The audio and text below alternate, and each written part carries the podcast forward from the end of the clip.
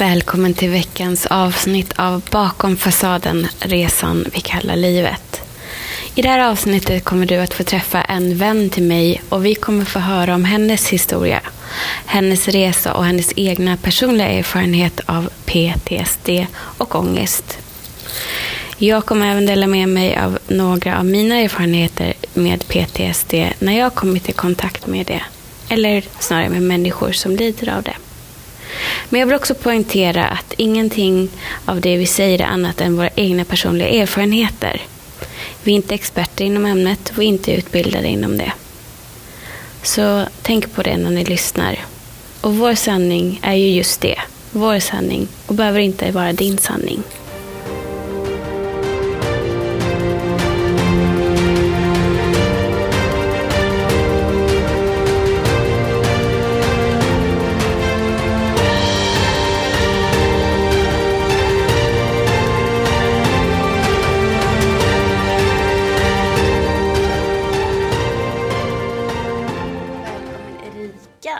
Tack så mycket.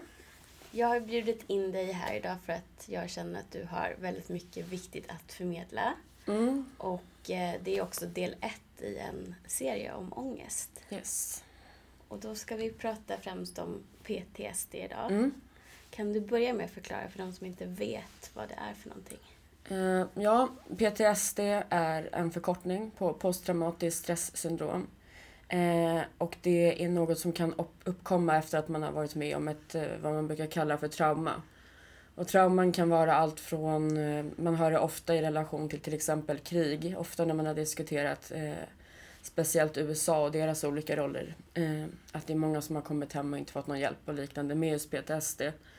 Eh, man kan även få det av olyckor, bilolyckor till exempel. Eh, om man har varit utsatt för rån eller tortyr eller sexuella övergrepp. Så det kan vara nästan vad som helst men som klassas som ett trauma. Och eh, de, det man kanske främst brukar förknippa med PTSD är att man får flashbacks som påminner om, om den situationen man har ett trauma från helt enkelt.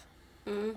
Det är ju egentligen den enda erfarenheten jag har sen tidigare. Det är när mm. jag var tillsammans med en kille som hade PTSD från mm. krig. Mm. Som var militär i USA. Och yes. just att han hade mycket flashbacks, mardrömmar. Mm. Och eh, jag vet också andra därifrån som berättade för mig att de kunde vakna upp mitt i natten och tro att mm. någon försökte strypa dem. Eller Precis. något ljud, fyrverkerier som mm. påminde, som kunde trigga igång minnesbilder och en reaktion på det. Ja, alltså det kan ju vara ljud, lukter, låtar, allt möjligt. Ibland är det inte som Doft. det varit för min del. Ja, att man, man kanske inte kan förknippa med direkt vad det är. Mm. Vad det är som väcker det minnet. Liksom. Utan att man själv upplever att det bara kommer från ingenstans. Men ofta så är det ju någon form av trigger.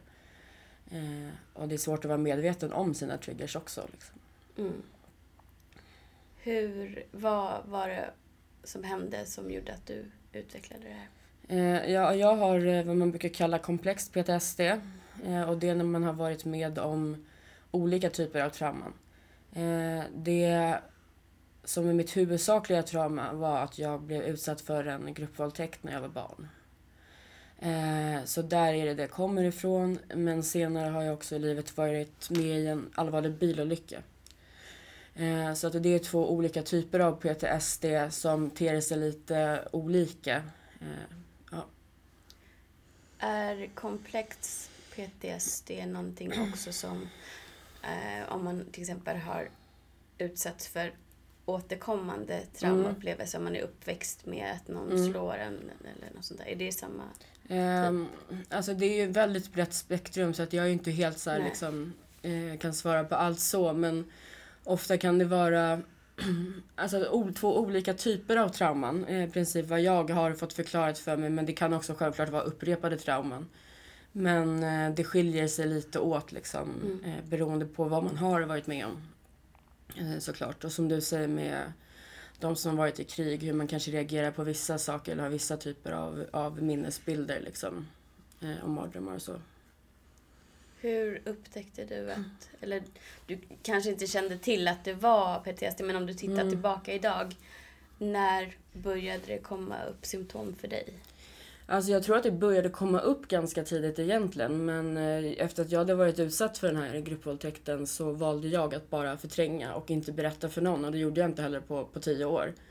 Eh, men nu när jag ser tillbaka så är det liksom flera symptom som jag har levt med i princip hela mitt liv så det har varit svårt att liksom veta att det är på grund av det utan det är så mitt liv har sett ut. Men det är främst, jag har alltid haft jättemycket problem med att sova, mycket mardrömmar eh, flashbacks och sen också det här att man är, man är spänd i hela kroppen hela tiden i princip. Alltså när jag bara sitter så sitter jag med knutna nävar liksom utan att veta egentligen varför. Men också att jag är väldigt lättskrämd. Och det är någonting som jag vet är, är väldigt typiskt för många. Liksom, att om någon, när någon kompis kom bakifrån och la handen över ögonen typ och skulle skrämmas. För mig var det jättejobbigt liksom. Eh, Eh, Så jag tror att jag har levt med det merparten i mitt liv men det är väl de senaste åtta, nio åren som jag liksom har förstått det och kunnat härleda att det här beror på det här. Liksom innan så trodde jag att det var ju så man var liksom. Att alla var så. Typ. Det var bara naturligt för dig att så var ditt liv? Ja, alltså jag blev utsatt för den här våldtäkten när jag var 12 år gammal. Ehm, så att jag Självklart har jag minnen sen innan dess men de ligger väldigt långt tillbaka och jag har också svårt att minnas vissa perioder av mitt liv. Mm. Men innan dess så var jag världens lyckligaste unge som växte upp på, ja men som jag har sagt förut, liksom barnen i Bullerbyn med jämngamla barn i varenda hus och en fantastisk familj som alltid har stöttat mig och höll på jättemycket med idrott och så. Så att det är väl egentligen innan dess, alltså det känns som den här dagen, då, då försvann min barndom lite liksom det blev ett ganska abrupt slut, om man kan säga så. Mm. Så innan dess har jag egentligen bara bra och fina minnen. Liksom. Det kan jag verkligen förstå. Mm. Hur eh, kom det sig sen att du sökte vård och fick diagnosen? Mm, jag var i eh, Asien på en eh, backpackingresa med min bästa vän. Och efter ett tag, ett par månader in i den här resan så började jag må väldigt dåligt. Och det var på en buss mellan Laos och Vietnam, tror jag att det var, som jag eh, helt plötsligt kände ett fruktansvärt liksom, tryck över bröstet. Jag kunde inte andas. Um, jag ville bara liksom komma ut därifrån och trodde att jag, hade, att jag hade blivit allvarligt sjuk och förknippade det då med att jag kanske hade åkt på någonting. Eh, kanske inte malaria, men alltså någonting liknande så. Eh, men det här fortsatte under en längre tid. Eh, och eh, min vän, vi trotsade det här backpacken lite och han tog flyget med mig till Bangkok. Där jag kom till något stort och jättebra sjukhus där men de kunde inte riktigt heller liksom avgöra vad det var för någonting utan jag fick hela tiden bara antibiotika. Så till slut så valde jag att åka hem för det blev helt enkelt ohållbart. Eh, och jag trodde väl också att när jag kom hem att allt skulle bli bra. Eh, men det blev det inte och eh, ganska snabbt från det att jag hade kommit hem så träffade jag läkare som kunde konstatera att jag hade paniksyndrom.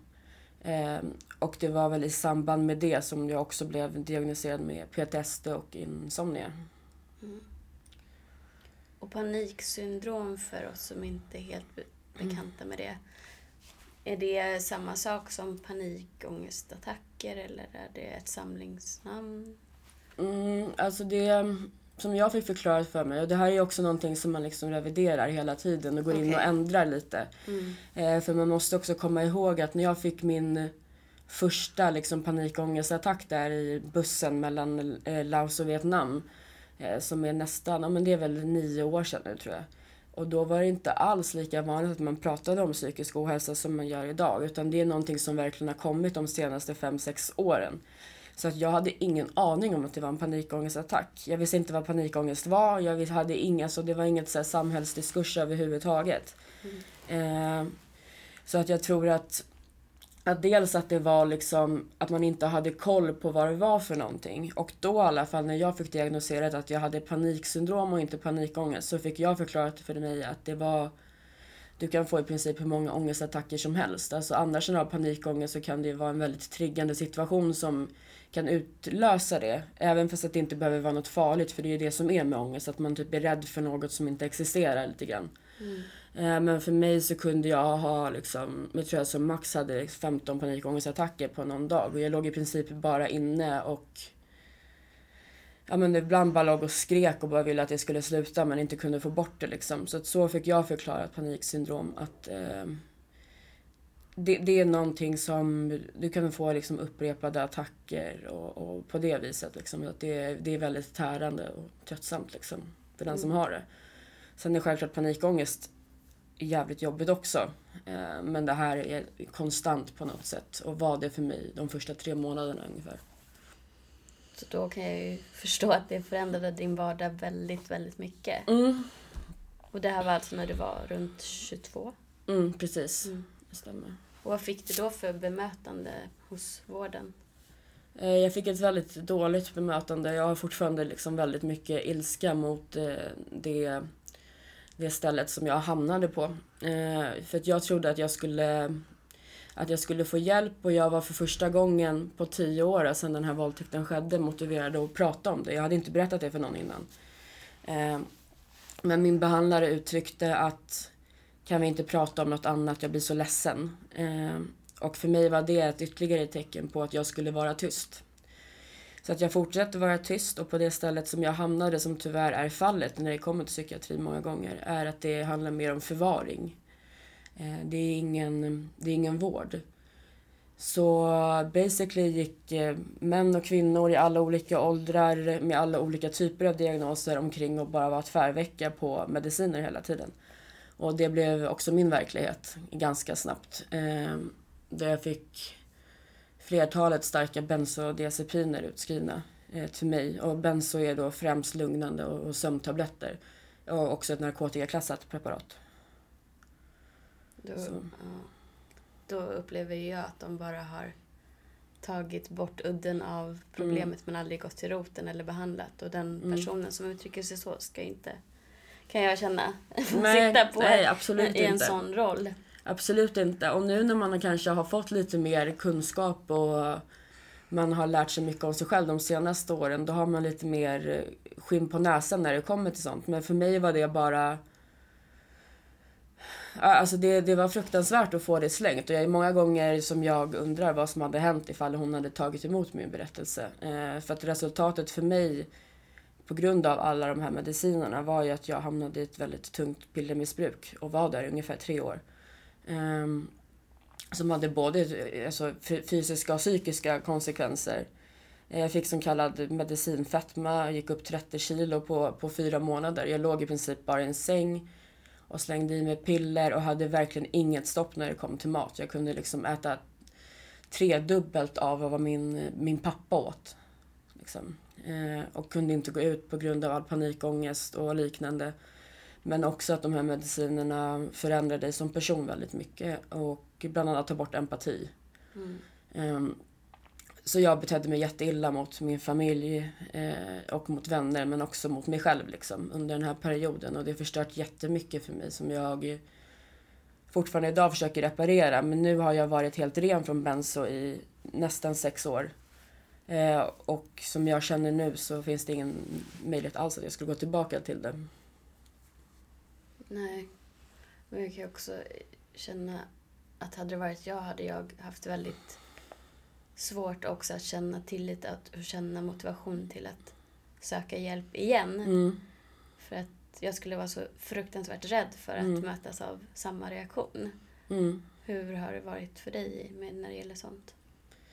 Eh, alltså det är svårt för jag tror att innan så hade jag någon naiv tro eh, att liksom de visste mitt bästa. Alltså läkare och sjuksköterskor och behandlare som var på det här stället, de gör ju det här för att det är det bästa för mig.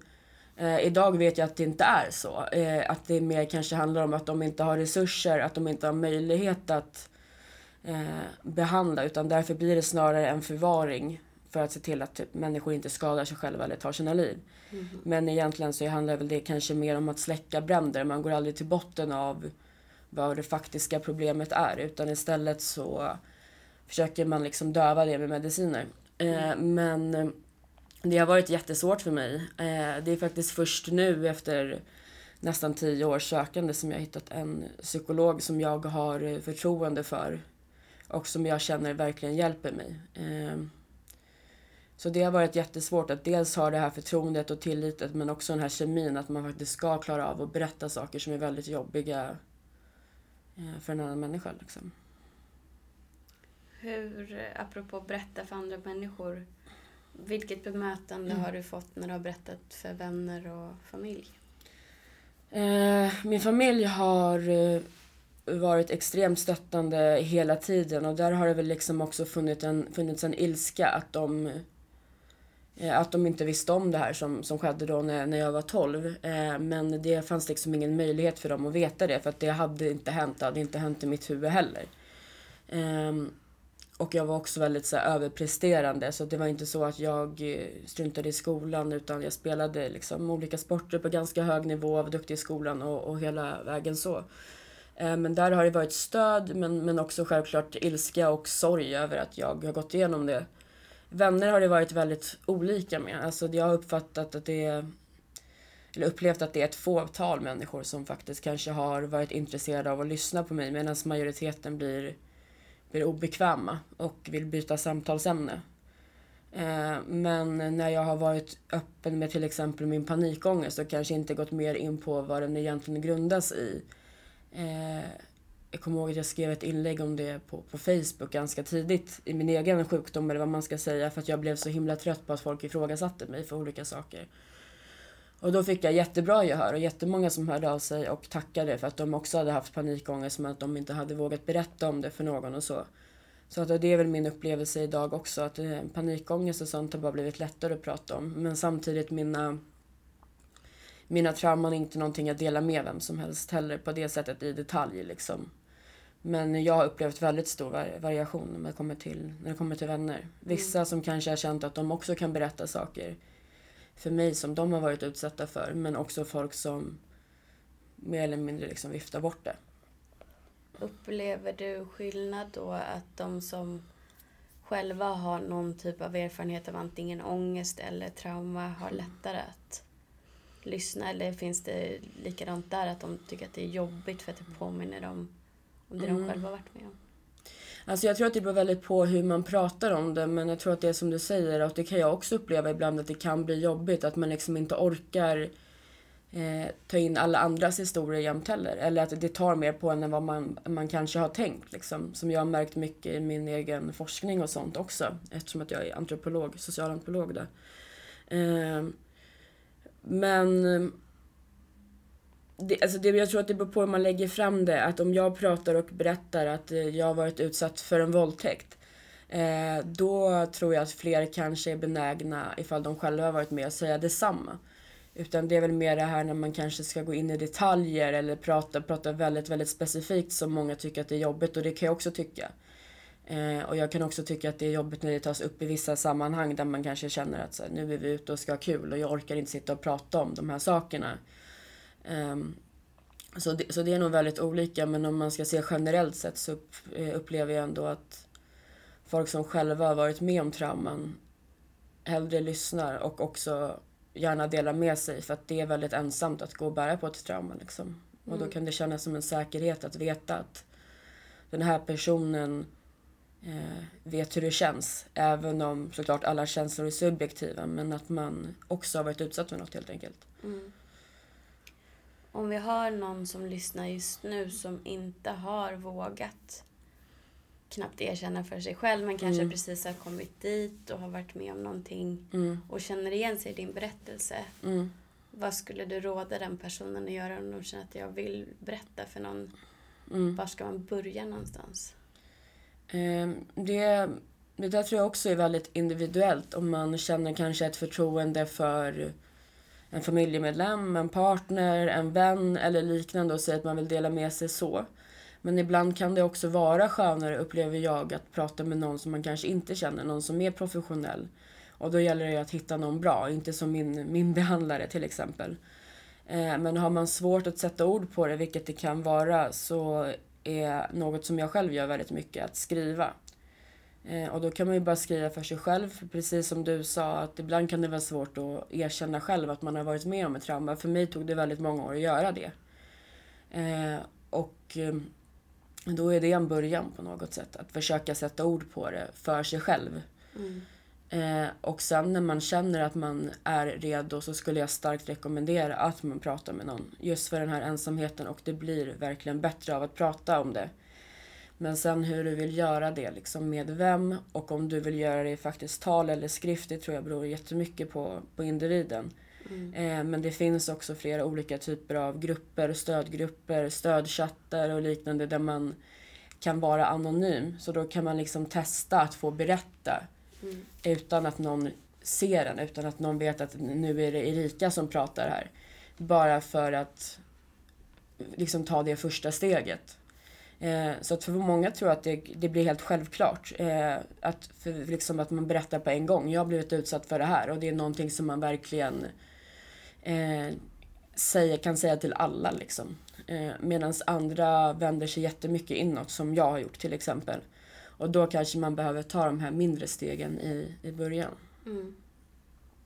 Jag tycker det var väldigt bra tips där, att man kan testa sig. För ringer man till exempel till föreningen Stora Syster som Mm. Har folk som sitter där av den anledningen att stötta folk Mm, som har varit precis. med om till exempel sexuella Mm. övergrepp. Då är man ju ganska trygg med att bemötandet kommer bli bra. Precis.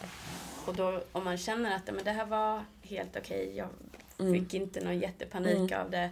Då kanske man också i det samtalet kan fråga om råd Mm. utifrån hur den personen har hört en och uppfattat den. Precis. Och kan spegla hur ska jag berätta för min mamma och pappa eller Mm. sådana saker. Mm. För att jag tror också att många av oss, i alla fall jag, tyckte att det var svårt att berätta om eh, våldtäkt för familjen för att jag var också rädd för att de skulle bli så ledsna. Mm. Att man vill skydda människor Mm. som man tycker om. Ja. Fast egentligen så är det ju deras ansvar. Mm. Verkligen. Men att man ofta tar, tar på sig ansvaret för andras känslor. Och då Ja. blockerar det också. Men, jo, men så, det tror jag är jättelätt och det var väl lite liksom Precis som du säger, en oro som man har men också som blev min första reaktion från den här behandlaren. Eh, och det är ju så att vissa saker i livet är tuffa och det är mörkt och det är svårt och det är jobbigt men det betyder inte att de rösterna inte ska få bli hörda liksom. Mm. Utan det är jätteviktigt att man får bli hörd, att folk lyssnar på en. Och då tycker jag, precis som liksom att man kan höra av sig på telefon eller chatt i början om man vill testa. Man kan också be om råd. Det finns även grupper för anhöriga till personer som har varit utsatt för trauman. För självklart kan det vara traumatiskt för föräldrar eller syskon eller andra nära att få reda på vad ens liksom, älskade har gått igenom. Mm. Och det kan vara jättesvårt att hantera ilska, sorg och allting eh, för dem också. För ett trauma drabbar ju liksom inte bara en person utan det drabbar ju även de runt omkring den. Mm. Även om självklart själva huvudsyfte eller själva huvudfokuset är på den som har varit utsatt. Liksom. Mm. Bra, jättebra att du säger det. Det är nog inte så många som vet om att det finns stödgrupper för, för alla Mm. som drabbas. Mm. Det är jättebra. Ehm, är det något mer du känner att du skulle vilja förmedla till andra som har PTSD eller paniksyndrom? Mm, alltså det är väl eh, dels som vi har varit inne lite på nu, att eh, berätta för någon. Eh, och först på något sätt berätta det för dig själv. Eh, sen finns det ju väldigt olika sätt man kan göra det på. Som jag själv som går hos psykodramatiker när man liksom går in i varenda liten detalj. Vad hade du på dig? Vad kände du för dofter? Eh, hade det regnat? Eh, vad hörde du för någonting? Sånt som är jättejobbigt men gör man det med en, med en duktig, liksom, en, en, ja, en professionell så kan det vara väldigt bra. Men eh, annars att kanske skriva, man behöver inte gå in på så detaljer men på något sätt kunna förlika sig med att det här, det här har hänt mig. Mm. Eh, och sen tror jag självklart också att det är jätteviktigt att berätta det för någon för att få, få bort den här eh, känslan av ensamhet. Och också att det är viktigt att komma ihåg att man är inte ensam även om det känns så. Jag vet att jag känner mig ensammast i världen och tror att ingen någonsin skulle kunna förstå mig eller vilja vara med mig eller vilja ha mig eller någonting för att man känner sig så skadad på något sätt. Eh, men du är inte ensam och det är aldrig, aldrig någonsin ditt eget fel vad en annan människa utsätter dig för. Eh, och det tror jag faktiskt kanske är det allra viktigaste. Liksom. Eh, att man måste påminna sig själv om det flera gånger. Eh, För det är inte så lätt som man tror. Liksom. Mm. Jättebra. Och när du är inne i en panikångestattack. Mm. Vad för verktyg har hjälpt dig när du är liksom mitt i det hela? Eh, för mig har det hjälpt jättemycket att faktiskt veta vad som händer i kroppen. Alltså liksom det, det fysiska. För man ändå tänker att panikångest eh, är liksom något psykiskt, psykisk ohälsa, så är det även fysiskt. Eh, bland annat de här olika eh, symptomen man kan få då, att man får trycka över bröstet, inte kan andas, händerna börjar pirra. Det är jättemånga som faktiskt åker in med ambulans till sjukhus för att de t- tror att de har en hjärtattack. Och det är liksom ingenting som händer i ditt huvud utan det är faktiskt det som sker. Eh, och för mig att vi, vi vi liksom vet om då att det här är en uråldrig funktion som har fått människan att överleva alla de här åren. Eh, genom att förbereda en på att antingen slåss för sitt liv eller fly för sitt liv. Det här fight, flight som man brukar prata om. Eh, och att då veta att till exempel som jag som hade att jag fick trycka över bröstet och inte kunde andas. Att jag då fick reda på att egentligen så tar jag in mycket mer luft nu. Än vad jag gör när jag andas vanligt. För att kroppen förbereder sig då på strid eller på, på, på att fly. Eh, och att anledningen till att man till exempel kan känna att det liksom börjar domna bort i händer och liknande. Det är för att kroppen fokuserar på att syresätta de stora muskelgrupperna i kroppen eh, lår, mage, rumpa och liknande och därför kom, blir det inte samma liksom, reaktion till händer och fötter. Eh, och, men också att veta att den här reaktionen är helt normal. Eh, det som gör att den är obehaglig är att när den uppstår där det faktiskt inte finns någon fara. Till exempel. Så för mig var det bara att vara väldigt, väldigt logisk med det här hjälpte väldigt mycket. Eh, Men jag gick också i KBT och då var det online KBT. eh, För att jag kunde inte gå utanför dörren för att jag hade sån kraftig ångest. Och eh, panikångest, det är det som är väldigt jobbigt med det, som vi har pratat mycket om. Att, liksom, att bli av med det är att utsätta sig för det som man tycker är jobbigt. Mm. Och självklart ska man inte göra det om det är något destruktivt. Jag menar inte att man ska sätta sig i destruktiva situationer eller farliga situationer utan ofta så kan ju panikångest till exempel som för mig triggas det igång när jag känner mig instängd. Eh, så jag kan tycka att det är jättejobbigt på tunnelbanor till exempel. Mm. Eh, och många har ju sådana att det begränsar en i, i ens liv. Man kanske har social fobi, man klarar inte av att vara ute på restauranger. Eh, så att liksom göra det här på ett tryggt sätt och gärna med en professionell som kan ge en olika typer av övningar och att det kan ta tid. Liksom. Och det finns ingen press att man ska prestera utan det får ta den tiden det tar och det viktigaste är att man känner sig trygg. Eh, men för mig så var det liksom de sakerna som, som hjälpte mest, alltså KBT men också att faktiskt förstå vad som händer i kroppen. Eh, och sen har jag också haft, liksom, när jag väl har panikångest, såna här att jag kan sitta och räkna. Jag kan lyssna på klassisk musik. Eh, Faktiskt också självklart då, just det, jag, idag är jag stark, blir också en del. Eh, ibland när det är så här väldigt intensivt liksom. Så man, eh, man har ju olika strategier och klarar när man faktiskt är där men eh, det viktigaste egentligen är att man faktiskt är i sin panikångestattack och det är någonting som jag tycker är jättesvårt än idag. Eh, Men att man faktiskt är i den och inte försöker avbryta den liksom, på något sätt. Mm. Och, ja, det är ju det som vi har pratat om, du och jag också, mycket Mm. när vi pratar om personlig utveckling. Att just sitta kvar i den obehagliga känslan, Mm. var än det är. Även om man kanske inte har stark ångest eller man kan ha lite ångest, man har oro, Mm. vad den är. När det är obehagligt så fungerar hjärnan så att den vill ta sig ur Precis. det tillståndet för Mm. att överleva. Men nu är vi i ett men nu lever inte vi på samma sätt som vi Nej. gjorde när den här instinkten uppkom. Så vi Nej. behöver inte den och vi behöver lära om där att det här Ja. är okej.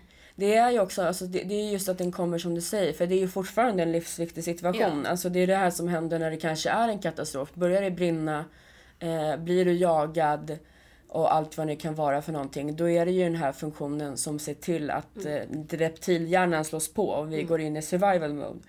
Eh, men också att du, du kan, när du får en, den här känslan eh, när den faktiskt är adekvat på något sätt. Då upplevs den inte som obehaglig heller utan då är det bara självklart. Mm.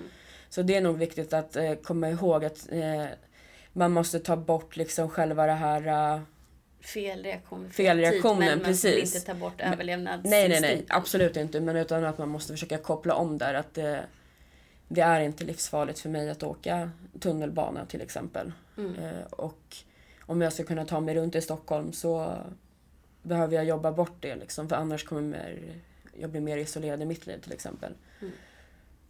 Mm. Jättebra. Eh, Jag hoppas att alla har fått svar på de frågor de skickade in förut också. Nu frågade jag utan att säga att det var läsarfrågor. Mhm, Jag försökte ja. väva in det lite där. Ehm, Men jag vill framförallt också tacka dig jättemycket för att du har varit så modig och öppen med din historia. Tack så Jag mycket. är övertygad om att det hjälper många. Jag hoppas det. Och tack för att du är du. Tack själv för att du är du. Då säger vi tack för denna gång och Yes. eh, ta hand om er.